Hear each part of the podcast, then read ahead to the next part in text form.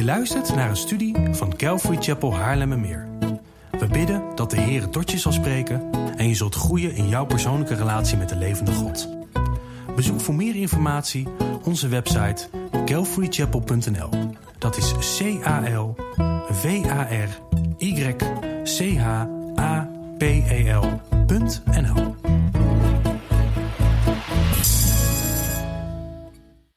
We hebben afgelopen zondag de preekserie Het Christelijk Huwelijk als Gods Geschenk eh, afgerond.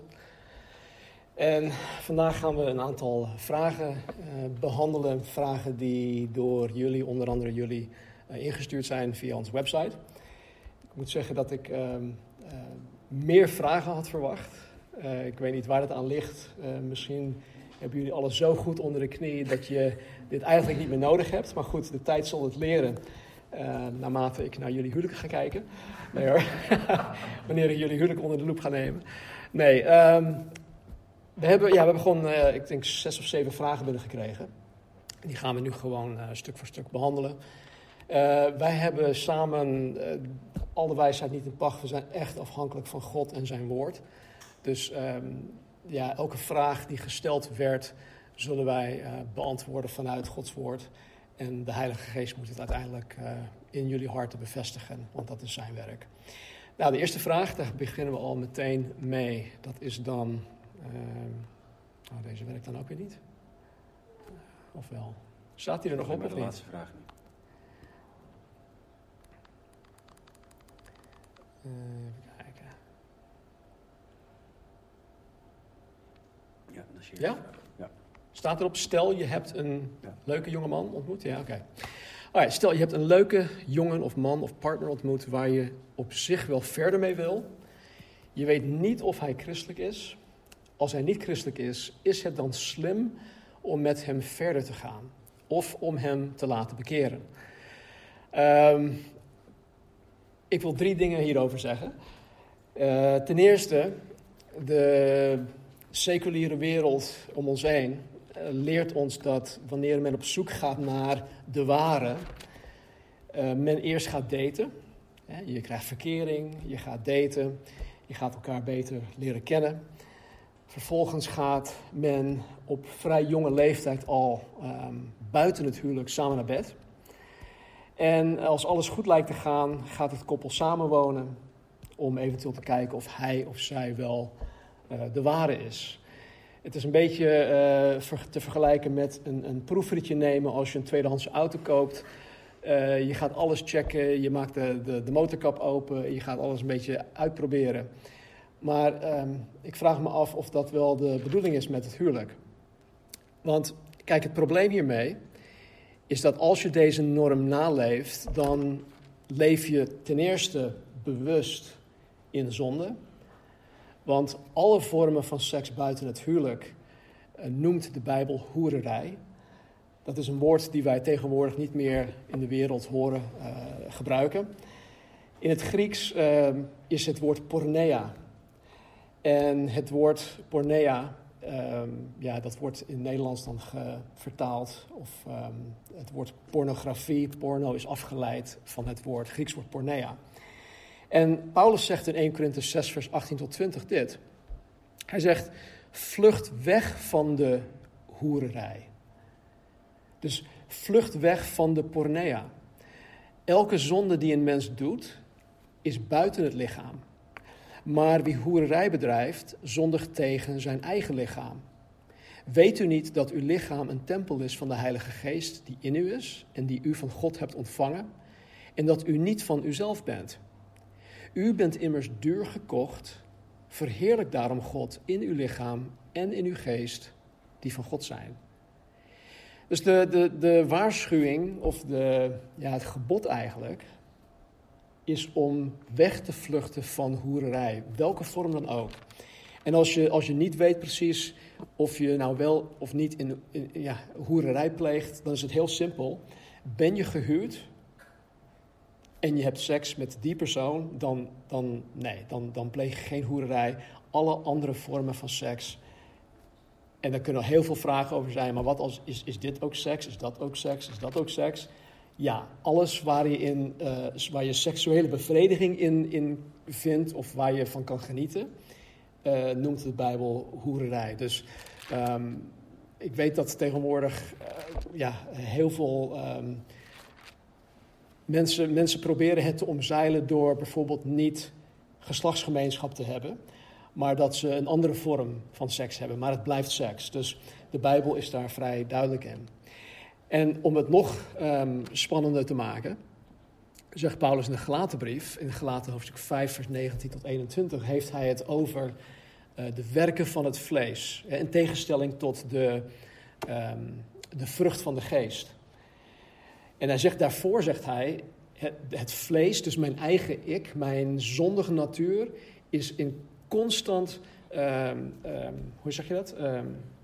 strijd. In, is, is constant in strijd met de geest die in mij woont, die ik van God heb gekregen. En het is dus aan ons, geef ik toe aan mijn vlees of laat ik de Heilige Geest mij leiden? En dan ook op dit gebied, dan zegt hij, dit, dit zijn de werken van het vlees. Het is bekend wat de werken van het vlees zijn, zegt Paulus.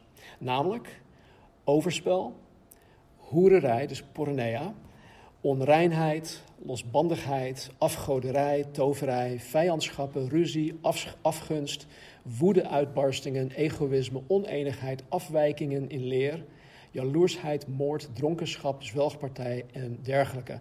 Waarvan ik u voor zeg, zoals ik ook al eerder gezegd heb, dat wie zulke dingen doen of praktiseren, het koninkrijk van God niet zullen beërven. Dus het is niet zo dat als jij dit incidenteel doet, dat je het koninkrijk van God niet zal beërven. Maar iemand die dit gewoon blijft praktiseren, die, die gewoon lak heeft aan het woord van God, die lak heeft aan Jezus Christus, die zegt van joh, uh, het is wel goed voor jou Stan, maar ik, ik, uh, ik volg mijn gevoel. Ik doe wat ik lekker wil. Uh, dat soort mensen zullen het koninkrijk van God niet beërven. Het is dus zaak dat, dat beide partijen man, vrouw, jonge meisje, eh, hoe je het ook wil noemen, dat beide partijen hiervan volkomen bewust zijn. En dat beide partijen God hierin willen gehoorzamen. Als wij God hierin niet gehoorzamen, dan onteren wij God, dan verheerlijken wij God hier, hier niet in. En dan gaan wij gewoon mee met de wereldse stroom. En dat is niet de bedoeling, want Paulus zegt ook in Romeinen, uh, 12 vers 2, wordt niet aan deze wereld gelijkvormig. En vooral op dit gebied niet. Eigenlijk op alle gebieden, maar dit is wel een, een, een, een hele duidelijke, want het is voor iedereen duidelijk. Mijn buren bijvoorbeeld, buurman die is ooit getrouwd geweest, die is nu gescheiden, uh, jonge vent. Um, heeft sinds een echtscheiding van een paar jaar geleden meerdere vriendinnen gehad. Uh, meerdere heb, hebben, zijn bij hem in, in komen wonen. Nu heeft hij weer een nieuwe. Weet je, en, en mens, mensen zien dat. Dus dit soort zonde is heel erg um, zichtbaar. En daarom zegt Paulus, wordt niet aan deze wereld gelijkvormig, maar wordt veranderd of hervormd door het vernieuwing van uw denken om te kunnen onderscheiden wat de goede, welbehagelijke en volmaakte wil van God is. Dus dat is één. Het tweede is dit. Je moet vanaf het begin al te weten komen of die persoon waarmee je eventueel mee verder wil gaan, een wedergeboren christen is. Dat moet je echt vanaf het begin al weten. Naast, stel je, je stelt je aan iemand voor, hi, ik ben Stan, hi, ik ben zus en zo. De tweede vraag moet zijn van, geloof jij in God? Ben jij een, een, navolger van Jezus Christus? Zo belangrijk is dat. Ik weet dat dat niet in de praktijk zo gaat, maar zo belangrijk moet dat zijn. Want Paulus zegt ook in 2 Korinthe 6: vorm geen ongelijk span met ongelovigen. En dan heeft hij het specifiek over, over relaties. Uh, het, gaat, het gaat veel verder dan, denk ik, alleen man- en vrouwrelatie, maar daar gaan we het misschien een andere keer over hebben. Maar hij zegt: vorm geen ongelijk span met ongelovigen. Want wat heeft gerechtigheid gemeenschappelijk met wetteloosheid? En welke gemeenschap is er tussen licht en duisternis? En welke overeenstemming is er tussen Christus en Belial, of ja, de duivel? Of wat deelt een gelovige met een ongelovige? En het antwoord hierop is niks. De een heeft niks met de ander te delen. Het is een ongelijk span en die twee zijn niet compatible. Het is net als wat ik vorige, vorige week denk ik ook had genoemd. Een, een, een Android-platform is niet compatible met een iOS-platform. Dat gaat gewoon niet. Nu heb je natuurlijk apps die op allebei de platforms werken, maar dat is weer een uh, ander verhaal. Maar eh, weet je, dus ehm, je moet echt. Ehm, een, je moet een gelijkspan vormen.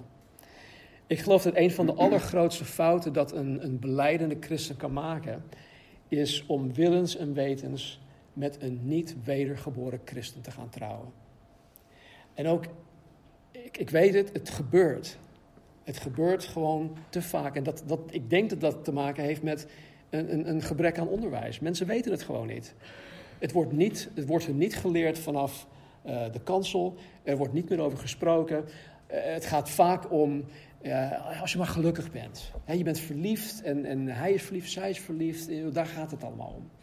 Nee, daar gaat het niet om. Verliefd zijn is, is een pre. Het is, het is absoluut waardevol. Maar dat is niet de basis om het huwelijk in te stappen. Vraag aan, aan ieder willekeurig christen die met een niet wedergeboren persoon gehuwd is, of hun huwelijk is wat God van hun verlangt. Of hun huwelijk volgens het blauwdruk wat God ons gegeven heeft, of het, of het zo is. Vraag of zij dolgelukkig zijn. De zaligsprekingen in Matthäus hoofdstuk 5. Uh, eh, zalig is hij of zij die. Nou, dat woord zalig betekent simpelweg dolgelukkig. Vraag of die persoon die met een niet-gelovige getrouwd is, willens en wetens getrouwd is, of, hun, of zij in hun huwelijk dolgelukkig zijn. Vraag of zij het anders zouden willen hebben. Of als zij het anders gedaan zouden hebben, als ze dat nu weten. En ten derde dit. Je moet er bij voorbaat nooit vanuit gaan dat die persoon die je op het oog hebt, dat hij of zij zich zal gaan bekeren. Dat hij of zij een discipel van Jezus Christus zal worden. Die garantie heb jij absoluut niet. Die garantie heb je niet. En het is ook niet aan jou om die persoon te kunnen bekeren. Kijk, ik, ik, ik ken een aantal situaties waarvan ehm, dat is gebeurd en dan is de man of de vrouw wel tot geloof gekomen. Maar weet je, dat zijn uitzonderingen. Dat zijn uitzonderingen op de regel. In de regel is het gewoon verstandig als een, een geestvervuld wedergeboren man met een geestvervuld wedergeboren vrouw trouwt. Het is al lastig genoeg met twee geestvervulde wedergeboren zondaren. Vraag, vraag het maar aan, nou, Marnie is er nu niet, maar vraag het maar. Weet je, het is zo lastig om, om twee zondaren bij elkaar te brengen, bij elkaar te hebben. En dan nog eens, ja, komen de kinderen erbij. Hè? Er komen er nog een paar zondaren in het, in, in, erbij. Het is gewoon knap lastig. Dus als je dat fundament niet hebt, dan, dan, dan, maak je, dan maak je het jezelf alleen maar nog moeilijker.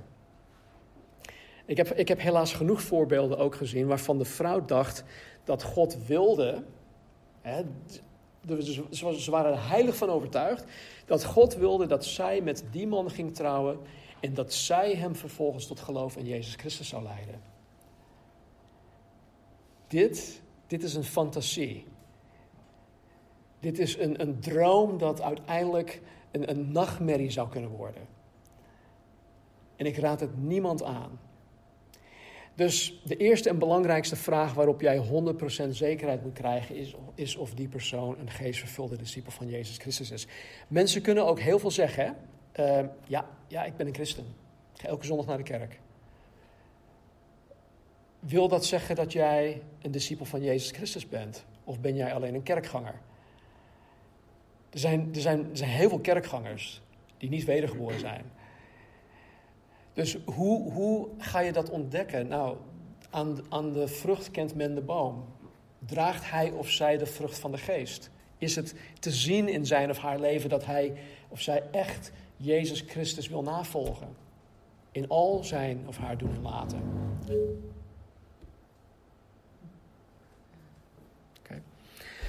Ehm, dus dat is de eerste en belangrijkste vraag. En zoals, zoals ik wel eens heb gezegd, zorg ervoor dat diegene die jij op het oog hebt, meer van Jezus Christus houdt dan dat hij of zij van jou houdt. Als dat zo is, dan komt het zeker goed. Die garantie kan ik je geven. Als dat zo is, dan komt het echt goed. Um, tweede vraag. Ik, uh, ik, ik doe twee vragen en dan doet Casper vier vragen. um, ja. Een huwelijk tussen twee christenen. Man, vrouw, allebei christen. Maar de man neemt zijn rol niet op zich. En hierna volgt um, een aantal details, een aantal voorbeelden waarin de man zijn rol niet opneemt als man. Die heb ik niet uh, op slide staan, maar ik zal ze voorlezen. Bijvoorbeeld, na afloop van een kerkdienst of vrouwenochtend of welk geestelijke activiteit dan ook, hij vraagt niet aan mij, de vrouw, hoe de activiteit was. Wat je ervan geleerd hebt, hoe je het gaat toepassen. Dus er is geen belangstelling op, op geestelijk niveau. Hij stelt mij vragen over mijn werk, maar hij vraagt nooit hoe het persoonlijk met me gaat. Dus het kan zo zijn van, joh, hoe was het vandaag op je werk? Uh, heb je dit en dat nog gedaan? Heb je nog met die gesproken? Hoe was het met, met die collega en dit? Maar nooit vragen van, schat, hoe gaat het nou met je? Wat heb je vandaag meegemaakt? Wat heeft het met je gedaan? Weet je, dus niet die, die persoonlijke interesse, alleen maar oppervlakkig en zakelijke dingen. Hij komt niet terug op een conflict. Hij komt niet terug op een conflict of een meningsverschil. Um, dus er is een conflict, er is een meningsverschil. En om een of andere reden kan er op dat moment niet over gesproken worden, maar dan komt hij er nooit meer op terug. En uh, geen excuses aanbieden voor wat dan ook. Dus ook nooit sorry zeggen, schat, vergeef me, dat, dat is er gewoon niet. Um, geen persoonlijk gesprek aangaan met onze kinderen. Niet vragen naar hun geestelijk welzijn. Niet praten met hen over de dingen die ze kunnen tegenkomen in hun leven, zoals verliefd zijn, verkering, seks, vrienden, werksituatie en dergelijke. Geen afspraak maken met elk van de kinderen afzonderlijk, zelfs niet als ze daarom wel eens gevraagd hebben. Geen geestelijke boeken lezen, hoogstens een paar bladzijden. Niet luisteren naar preken of bijbelstudies naast de preek op de zondagochtend.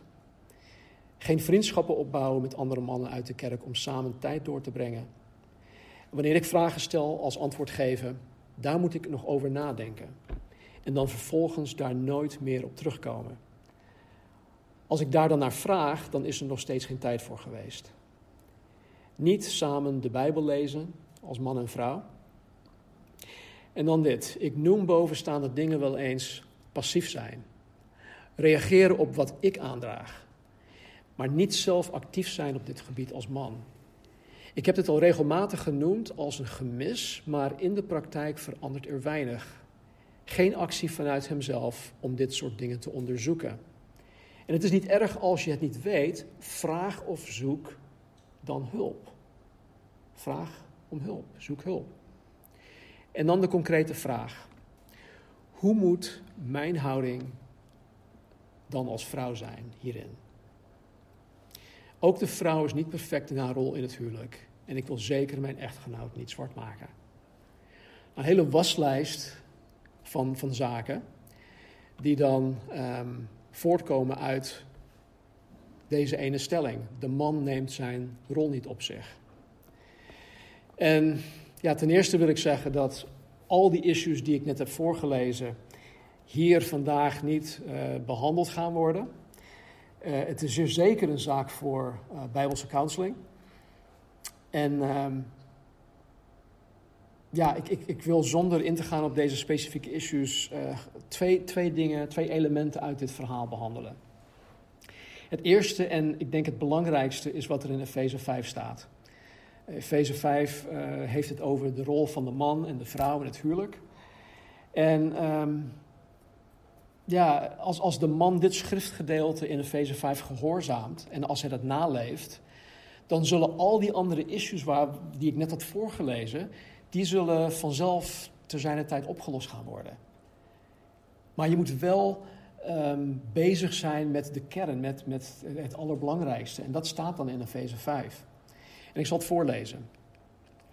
Efeze 5 is 25 ehm, tot met 28. Mannen, heb uw eigen vrouw lief. Zoals ook Christus de gemeente lief gehad heeft en zich voor haar heeft overgegeven. Opdat hij haar zou heiligen door haar te reinigen met het waterbad door het woord. Opdat hij haar heerlijk in heerlijkheid voor zich zou plaatsen. Een gemeente zonder smet of rimpel of iets dergelijks. Maar dat zij heilig en smetteloos zou zijn. Zo moeten de mannen hun eigen vrouwen lief hebben als hun eigen lichamen. Wie zijn eigen vrouw lief heeft, heeft zichzelf lief. Tot zover. Nou, dit stuk, dit schriftgedeelte, vergelijkt Paulus de actieve, de proactieve liefde dat Jezus voor zijn kerk heeft, met de liefde dat de man voor zijn vrouw moet hebben. Dus hij legt die twee gewoon naast elkaar.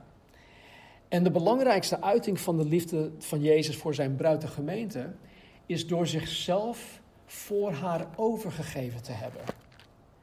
Jezus heeft zichzelf overgegeven voor zijn bruid, de gemeente.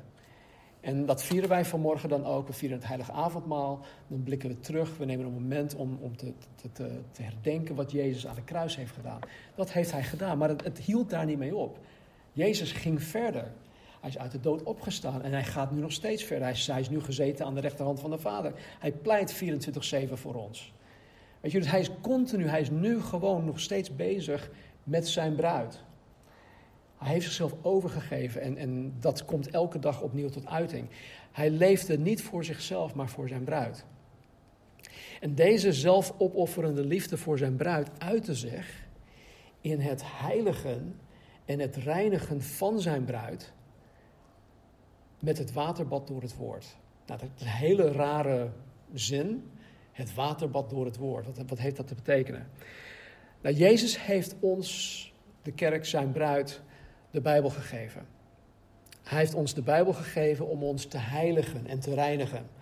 Dat wil zeggen dat Hij ons de Bijbel gegeven heeft om ons te veranderen naar Zijn beeld, naar Zijn evenbeeld.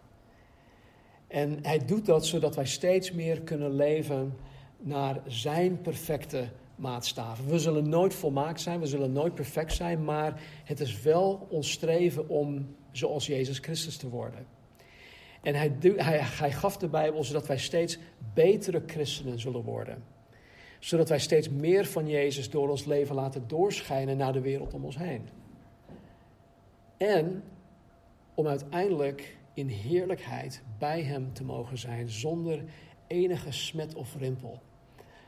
Weet je, John MacArthur, ehm, een Bijbelleraar uit de States, die werd ooit gevraagd van waar, waar kijk jij naar uit wat de hemel betreft? Waar, waar verlang jij het meest naar?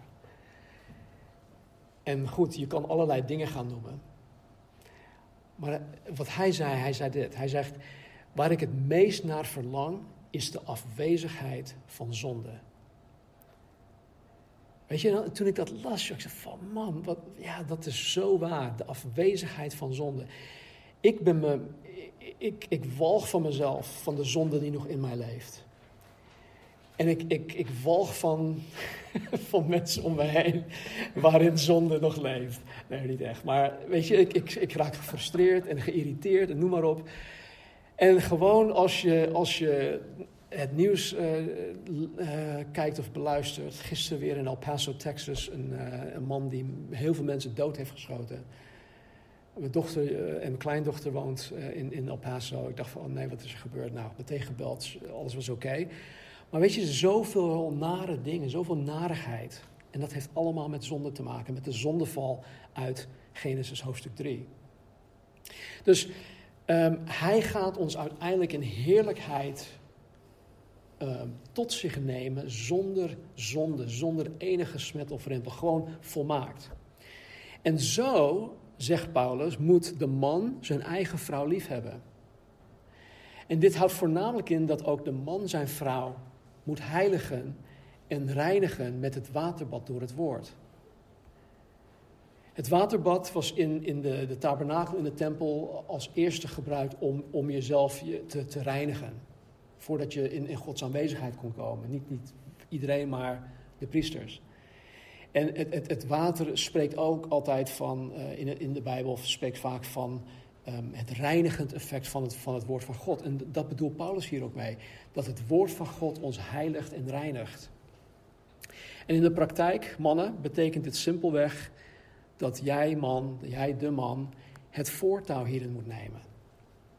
Jij moet het voortouw nemen in het samen lezen van de Bijbel met je vrouw. Jij moet het voortouw nemen in het samen bestuderen van de Bijbel met je vrouw. Met het samen beluisteren van preken met je vrouw. Kortom, de man is verantwoordelijk voor het geestelijk welzijn en voor de heiliging van zijn vrouw. Dat is een heel, hele grote verantwoordelijkheid. En wij mannen, wij mogen dit dragen. Wij mogen dit doen. Het is een voorrecht dat wij dit namens Jezus Christus voor onze vrouwen mogen doen. En als de man dit nalaat, dan is hij ongehoorzaam aan het woord van God. Dan is hij ongehoorzaam aan God. Dan zondigt hij tegen God. Daar komt het uiteindelijk wel op neer. Maar wanneer man en vrouw dit samen doen, dan leren man en vrouw samen wat God van hen verlangt, wat God van hen vereist. Dan zullen, zoals ik zojuist ook zei, al deze tekortkomingen die ik had opgenoemd van die ene, ene, ene vraag, dan zullen al deze tekortkomingen van zowel de man als ook van de vrouw te zijner tijd door het waterbad met het woord opgelost gaan worden. Want het woord van God zal de man en de vrouw gaan veranderen. Het woord van God zal het echtpaar samen gaan hervormen door het vernieuwen van hun denken. Ik weet niet hoe het werkt. Het is mij een, een mysterie, maar het werkt. God, de Heilige Geest, doet iets bovennatuurlijks op een hele natuurlijke en gewone wijze. En als je daarin volhardt, dan, dan, ga je, dan zal je niet geloven met, uh, met wie je getrouwd bent. Die persoon gaat letterlijk voor je ogen veranderen. Dus mannen, waar jullie dit nalaten, maak je jezelf schuldig aan een soort geestelijke mishandeling van je vrouw. En ik weet dat het heel heftig klinkt, maar je handelt haar of behandelt haar niet naar behoren. Dus je mishandelt haar. En je vrouw is iemand waarvoor Jezus Christus zijn bloed heeft laten vloeien. Je vrouw is iemand die heel duur gekocht is door het bloed van Jezus Christus. Dus waarom zouden wij niet die verantwoordelijkheid op ons nemen om Hem daarin te gehoorzamen, om Zijn dochter, om Zijn kind, mijn zuster, Marnie is ten eerste mijn zuster in Christus, om haar hierin te dienen. En als je niet weet hoe je, dit, hoe je dit doet of hoe je hier überhaupt een begin aan maakt, vraag het gewoon. Vraag het aan mij, vraag het aan Casper, vraag het aan Kobus, vraag het aan Martien. Weet je, vraag het aan iemand.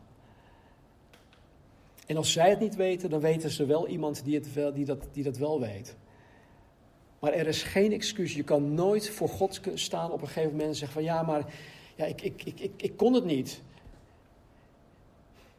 Ik durfde het niet. Ik, ik ben niet zo'n goede lezer. Weet je, oefening baart kunst. Probeer het gewoon. Zet die stap. God zal jou de bekwaamheid geven om dit te gaan doen. Als de Heilige Geest, de Heilige Geest waarmee Jezus Christus uit de doden werd opgewekt, als Hij in jou woont, dan kan jij dit doen. Ik weet het zeker. Als ik dit kan doen, dan kunnen jullie dit ook. Weet het zeker. Vraag om hulp. Nou, het tweede is dit. Ik wil ingaan op die concrete vraag die gesteld werd. En dat is dan. Oh, dat staat er al. Hoe moet mijn houding als vrouw dan zijn? Ik geloof dat, dat Petrus deze vraag heel duidelijk beantwoordt. In 1 Petrus uh, hoofdstuk 3, vers 1, 2 en 4 staat dit. Evenzo vrouwen. Trouwens, je moet hoofdstuk 2 van Petrus ook lezen, waarop Petrus duidt. Want hij zegt evenzo. Dat betekent dat hij verwijst naar wat daarvoor gezegd werd. Maar dat, dat laat ik nu even terzijde. Evenzo vrouwen, wees uw eigen mannen onderdanig, opdat ook als sommigen aan het woord ongehoorzaam zijn, zij door de levenswandel van de vrouwen zonder woorden gewonnen mogen worden. Doordat zij uw reine levenswandel in de vrezen des Heren waarnemen. Uw sieraad moet zijn de verborgen mens van het hart met het onvergankelijke sieraad van een zachtmoedige en stille geest die kostbaar is voor God. Hier schrijft Petrus dat de vrouw, luister goed, de vrouw een leidend en een bepalende rol kan spelen in het winnen van haar man tot gehoorzaamheid aan God. Dan heb ik het niet over uh, waar, wat ik vorige week ook zei, die citaat uit die film van uh, My Big Fat Greek Wedding. Hè? Dus uh, de vrouw is de nek en de nek draait het hoofd. Nee, dit, dit gaat op een hele andere manier. Door de levenswandel van de vrouw zonder woorden dat de man gewonnen mag worden. Doordat zij uw levenswandel in de vrezen des Heren waarnemen. Hier schrijft Petrus dat, dat de vrouw dus een leidend en bepalende rol kan spelen. En Petrus noemt expliciet de man die aan het woord van God ongehoorzaam is. Dit kan betekenen dat beide beleidende christenen zijn, maar dat de man het woord van God aan zijn laars lapt, dat hij, ja, dat hij, daar, geen, uh, dat hij daar geen lak aan heeft. Het kan ook betekenen dat de man nog niet wedergeboren is dat hij het woord daarin niet gehoorzaamt. En vaak is dit het geval waarin het echtpaar reeds getrouwd is. Is, is, is ja, de, vrouw, je bent als man en vrouw getrouwd, dat gebeurt hier ook. En de vrouw komt het geloof, maar de man nog niet. Of andersom. En ja, wat doe je dan? Je gaat niet scheiden van elkaar, want dat, dat, dat leert de Bijbel ons ook niet. Maar wat doe je? Nou, in deze situaties kan de vrouw een belangrijke rol spelen. Alleen al door haar eigen levenswandel met de Heer. Vrouwen, onderschat alsjeblieft niet jouw levenswandel met de Heer. Wat voor een impact dat kan hebben op jouw man. Ik, ik ben daar een, een, een, levend voorbeeld van. Ik kan daar nu niet, niet omwille van de tijd niet, niet, veel, niet meer over zeggen. Maar Marnie heeft dit letterlijk gedaan, waardoor ik uiteindelijk, mede door dit, uiteindelijk tot geloof ben gekomen. Dus de vrouw kan een belangrijke rol, belangrijke rol hierin spelen. Nou, is dit een garantie dat de man de Heer wel gaat gehoorzamen? Nee, absoluut niet. Maar het is sowieso wel iets dat God van jou als vrouw vraagt. En dan kan je wel zeggen, ja, maar mijn man dit, mijn man dit. Nee, God vraagt dit van jou als vrouw. En ik geloof dat naarmate jij God onder andere hierin gaat gehoorzamen, dat er iets ten positieve zal gaan veranderen in je man en in je huwelijk. Dus nee, er is geen garantie. Maar um, God vraagt het wel van je. Daarop aanvullend, in uh, eh, 1 Samuel 25, we gaan het verhaal niet lezen, um, staat het voorbeeld van um, hoe dit praktisch te maken. In 1 Samuel 25, um, vanaf vers 2, gaat het over het verhaal van een man, Nabal, en zijn vrouw Abigail. En Nabal, ja, dat is een beetje een pannenkoek. Die volgt God niet, die heeft geen respect voor wat God ingesteld heeft. Die heeft totaal geen respect voor de mensen die God aangesteld heeft. Hij brengt David tot op het punt dat de grote man die God wil navolgen bereid is om Nabal en alles wat hij heeft te vernietigen. Um, en gewoon echt met de grond gelijk te maken en kapot te branden.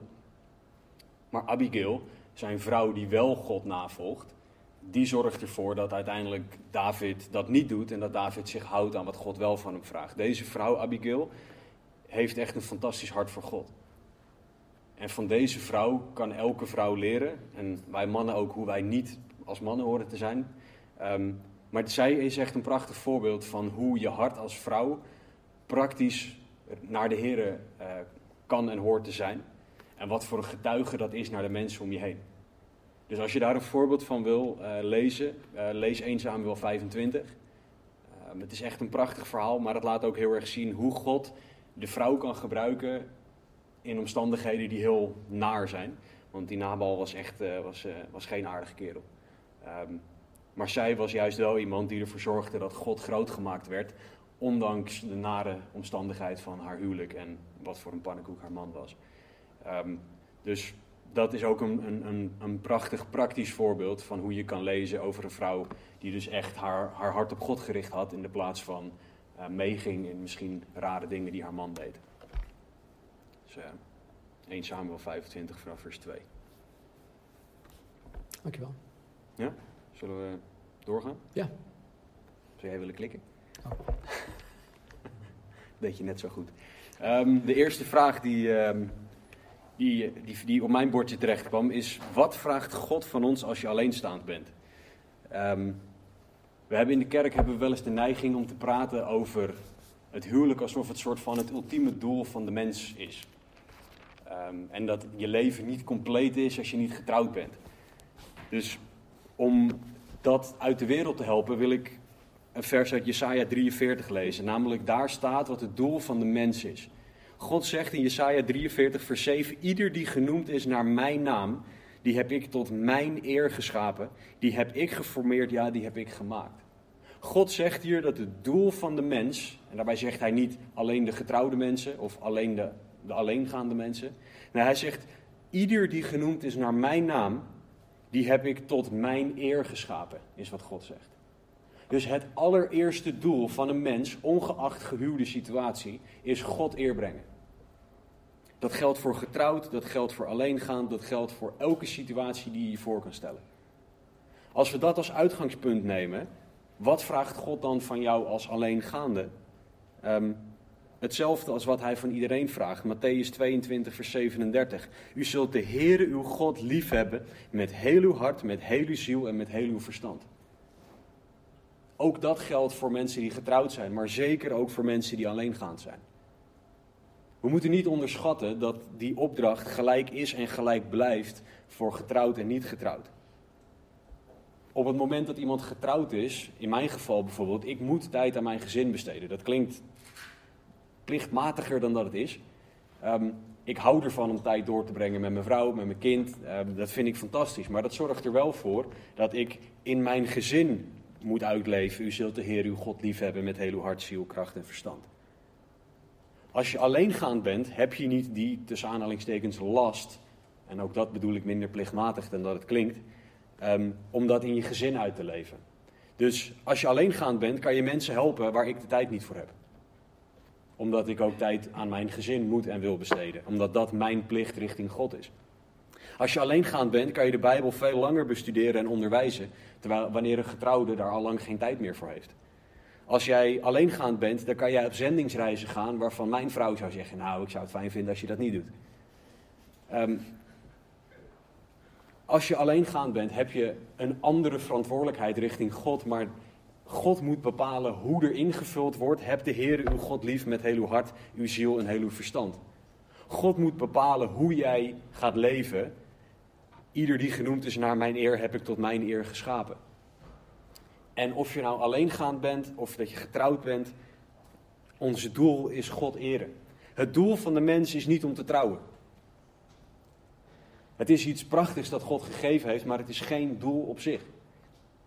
Want anders zou Jezus nooit zijn doel op aarde bereikt hebben, want Jezus was niet getrouwd.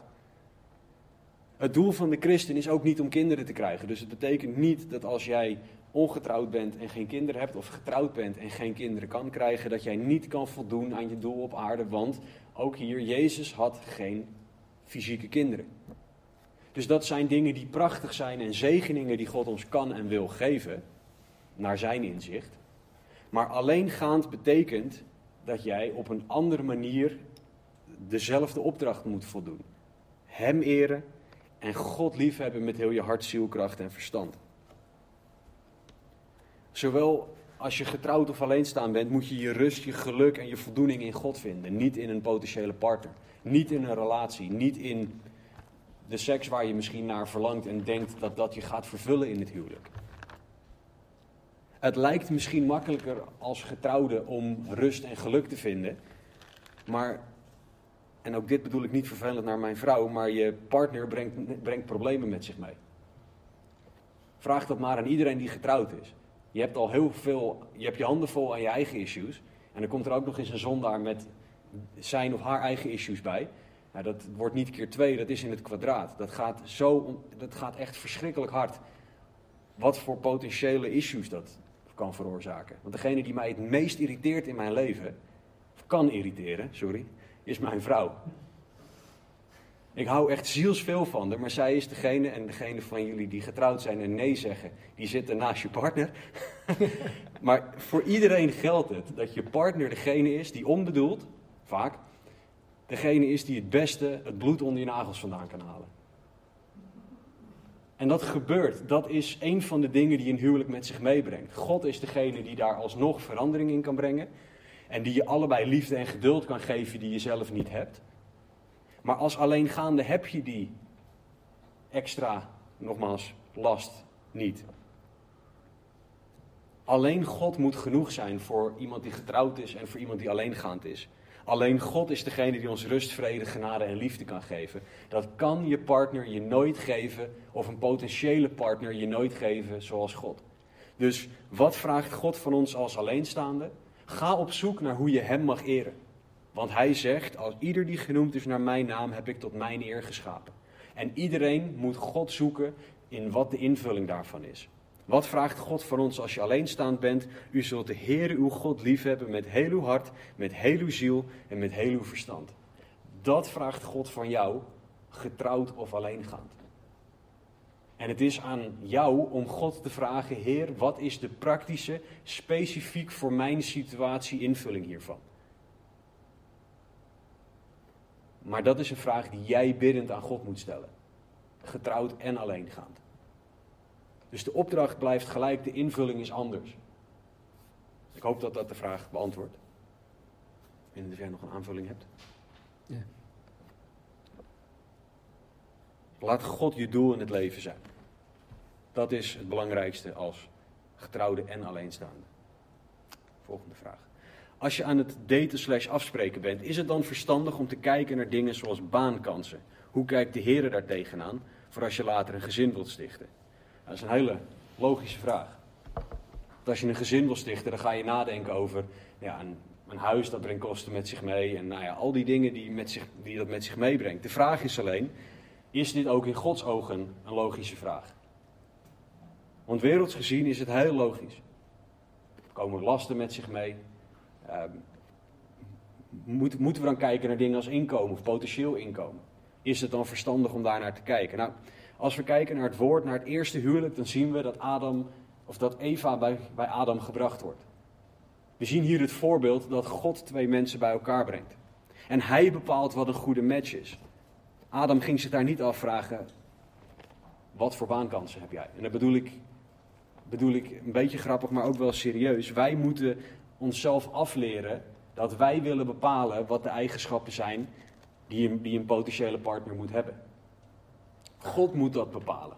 Zowel in karakter, in geloof, in praktische dingen. God moet degene zijn die bepaalt wie jouw partner is. Wat voor mensen niet logisch zijn, wat voor mensen niet logisch is, kan bij God wel logisch zijn. Ik heb een keer iemand tegen mij horen zeggen: ja, je moet iemand van gelijk intellect hebben, want anders gaat het nooit werken.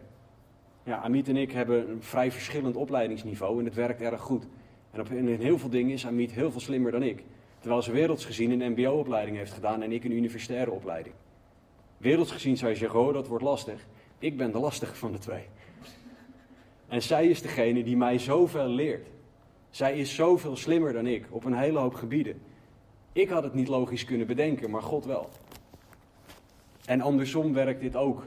Dat wat voor mensen heel logisch is, voor God helemaal niet logisch is. Bijvoorbeeld gaan voor iemand die heel veel geld heeft, alleen omdat hij geld heeft. Ja, dat is menselijk gezien misschien logisch, maar voor God totaal niet. Want dat is niet waarop een goed huwelijk gebouwd is. Dus baankansen zijn menselijk gezien belangrijk en ook menselijk gezien heel slim om naar te kijken in een potentiële partner. Alleen de belangrijkste vraag is: God, wilt u dat ik met deze persoon mijn leven doorbreng? En dan is het aan God om in te vullen welke eigenschappen die persoon heeft. Dus baankansen, opleiding, geld, achtergrond maken dan niet uit. God moet bepalen en niet wij. God moet de keuze voor een partner voor ons maken, zoals hij dat ook in de Hof van Eden liet zien, dat hij Eva bij Adam bracht. En God moet de keuze voor ons maken en de uitdaging aan ons is om die keuze in Gods handen te leggen en Hem te vertrouwen dat Hij ook die persoon bij ons gaat brengen. Als het Zijn wil is dat je gaat trouwen. Want God laat ook het voorbeeld zien in Jezus en in Paulus dat het voor specifieke mensen ook goed kan zijn om alleengaand te blijven. Omdat je dan op een andere manier invulling kan geven aan God eren en Hem liefhebben met heel je hart, ziel, kracht en verstand. Dus is het goed om te kijken naar iets als baankansen?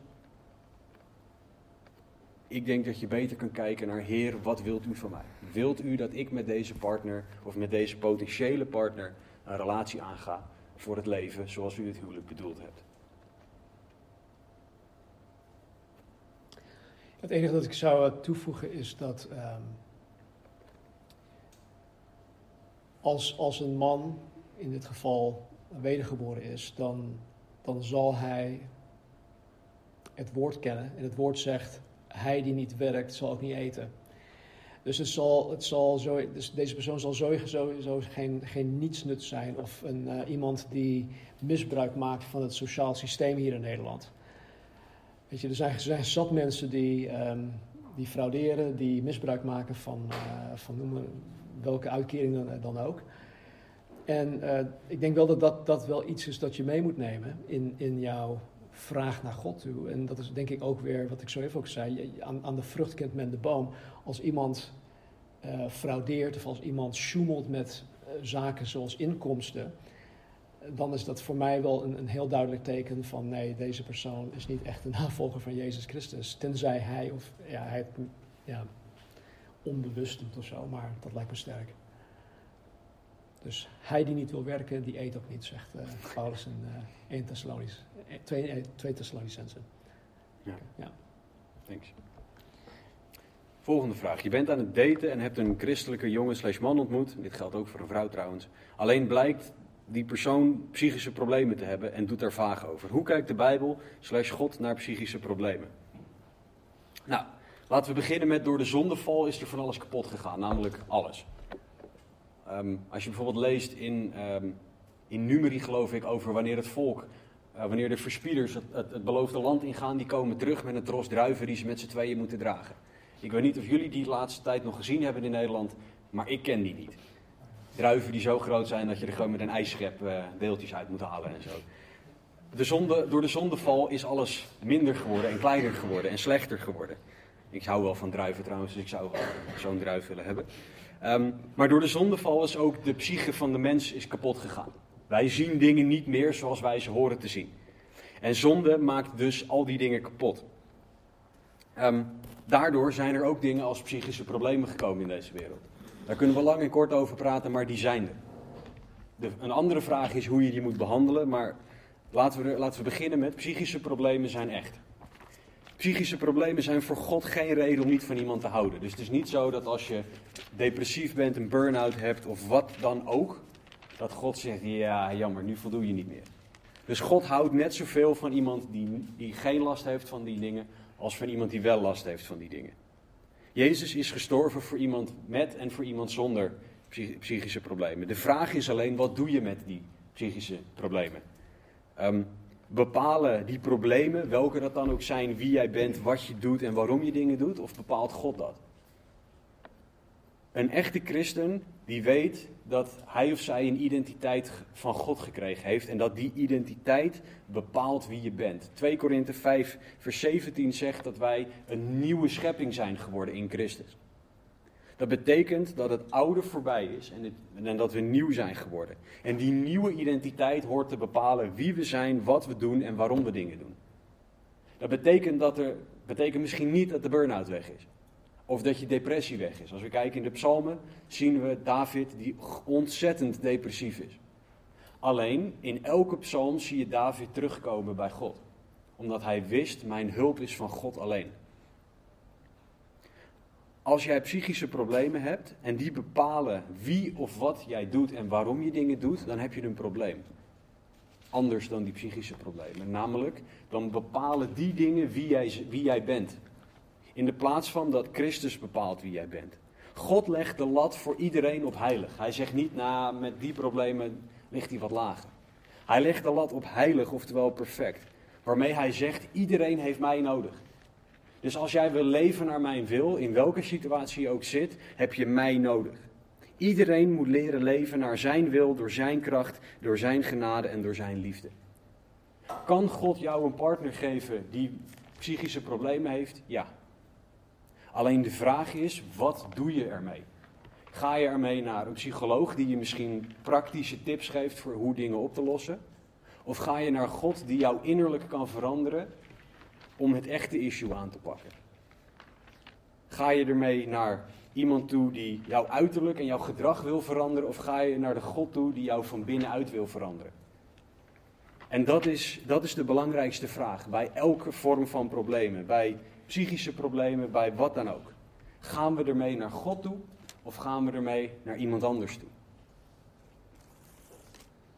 Psychische problemen zijn geen reden om iemand volledig af te schrijven als partner. Verre van. Die keuze is en blijft aan God. Psychische problemen moeten aangepakt worden, maar vanuit de Bijbel. De Bijbel kan ons helpen in alle dingen. 2 Timotheus 3, vers 16 en 17 leert dat Gods woord genoeg is in elke situatie.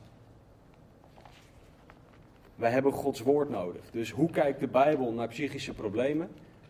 Als een lastige situatie, vervelend, pijnlijk, ingewikkeld, maar niet iets waar Gods woord niet genoeg voor is. Weet je waarom?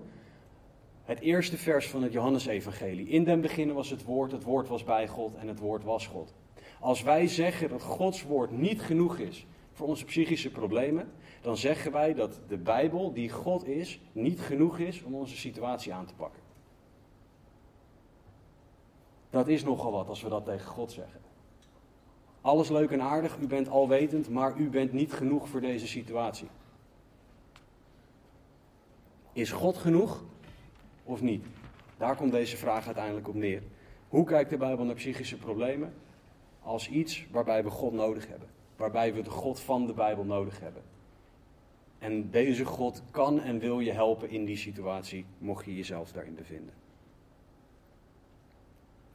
Ja, en uh, in Jesaja, wanneer er geprofiteerd wordt over de komst van Jezus Christus, wordt hij genoemd de wonderlijke raadsman. En Jezus is dus de grote counselor. Als je het hebt over bijbelse counseling, is hij de, is hij de counselor. In, uh, in de Colossense staat ook dat in hem zijn verborgen alle schatten van kennis en wijsheid. Dus waar moeten wij het uh, vandaan halen? Bij hem.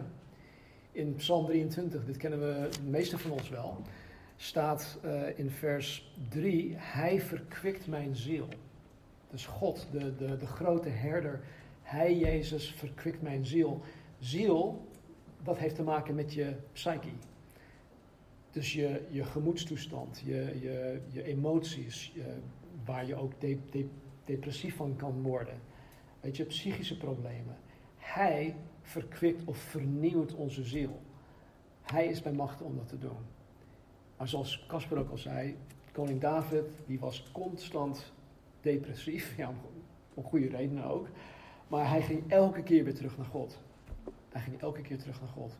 Paulus, die, die, die stond op het punt om, om te sterven. Hij, ik ga liever dood. Weet je, maar hij, hij, ze zochten het allemaal bij God. Dus um, ja, goed antwoord. De laatste vraag. Hoe kijkt God naar problemen zoals depressie, burn-out, arbeidsongeschiktheid, jong? Ik heb een keer iemand ontmoet die zulke problemen heeft. Ik ben benieuwd hoe God hier tegenaan kijkt als een mogelijke partner dat heeft. Het komt deels neer op dezelfde vraag. Um, ik zal mezelf een beetje gaan herhalen, maar deze dingen zijn geen definitieve uitsluiters als partner. Um, deze dingen mogen je identiteit niet bepalen. Als jij deze dingen hebt of als je in jong zit of wat dan ook. Um, als iemand een christen is die echt Gods woord leeft en gelooft, kan je in een depressie zitten. Kan je een burn-out hebben, kan je in de AOW zitten. Alleen zoals Stan ook zei, je gaat niet gebruik zitten maken van het systeem, maar je gaat gewoon binnen um, de grenzen van de wet, ga je op zoek naar wat God van je wil. In je mogelijke arbeidsongeschiktheid, in je waar jong, in depressie, burn-out, wat dan ook. God eren. De Heer liefhebben met heel je hart, ziel, kracht en verstand. Daar blijf je naar op zoek gaan.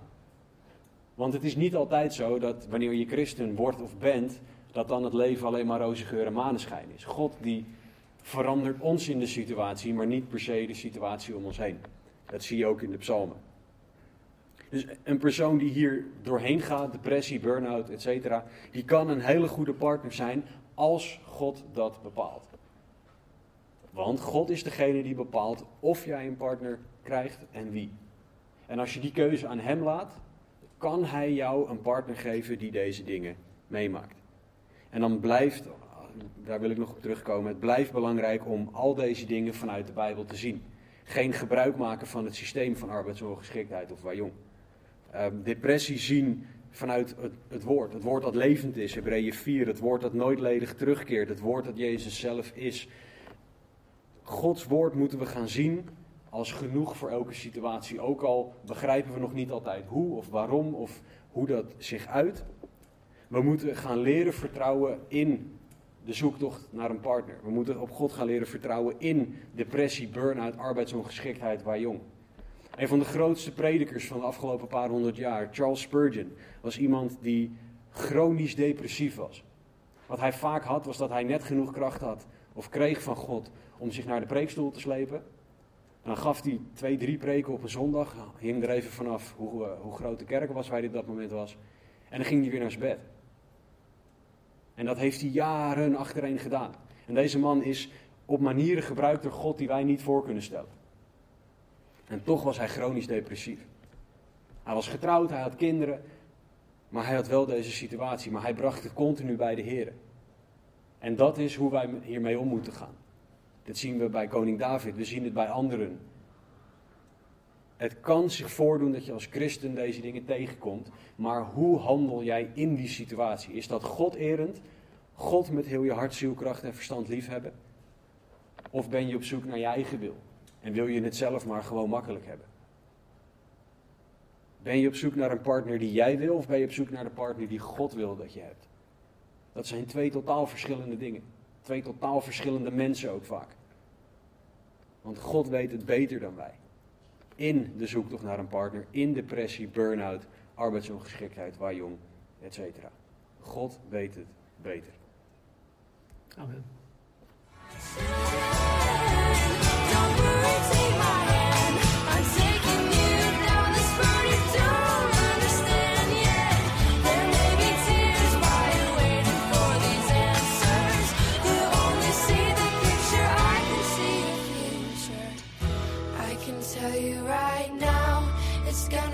Oh.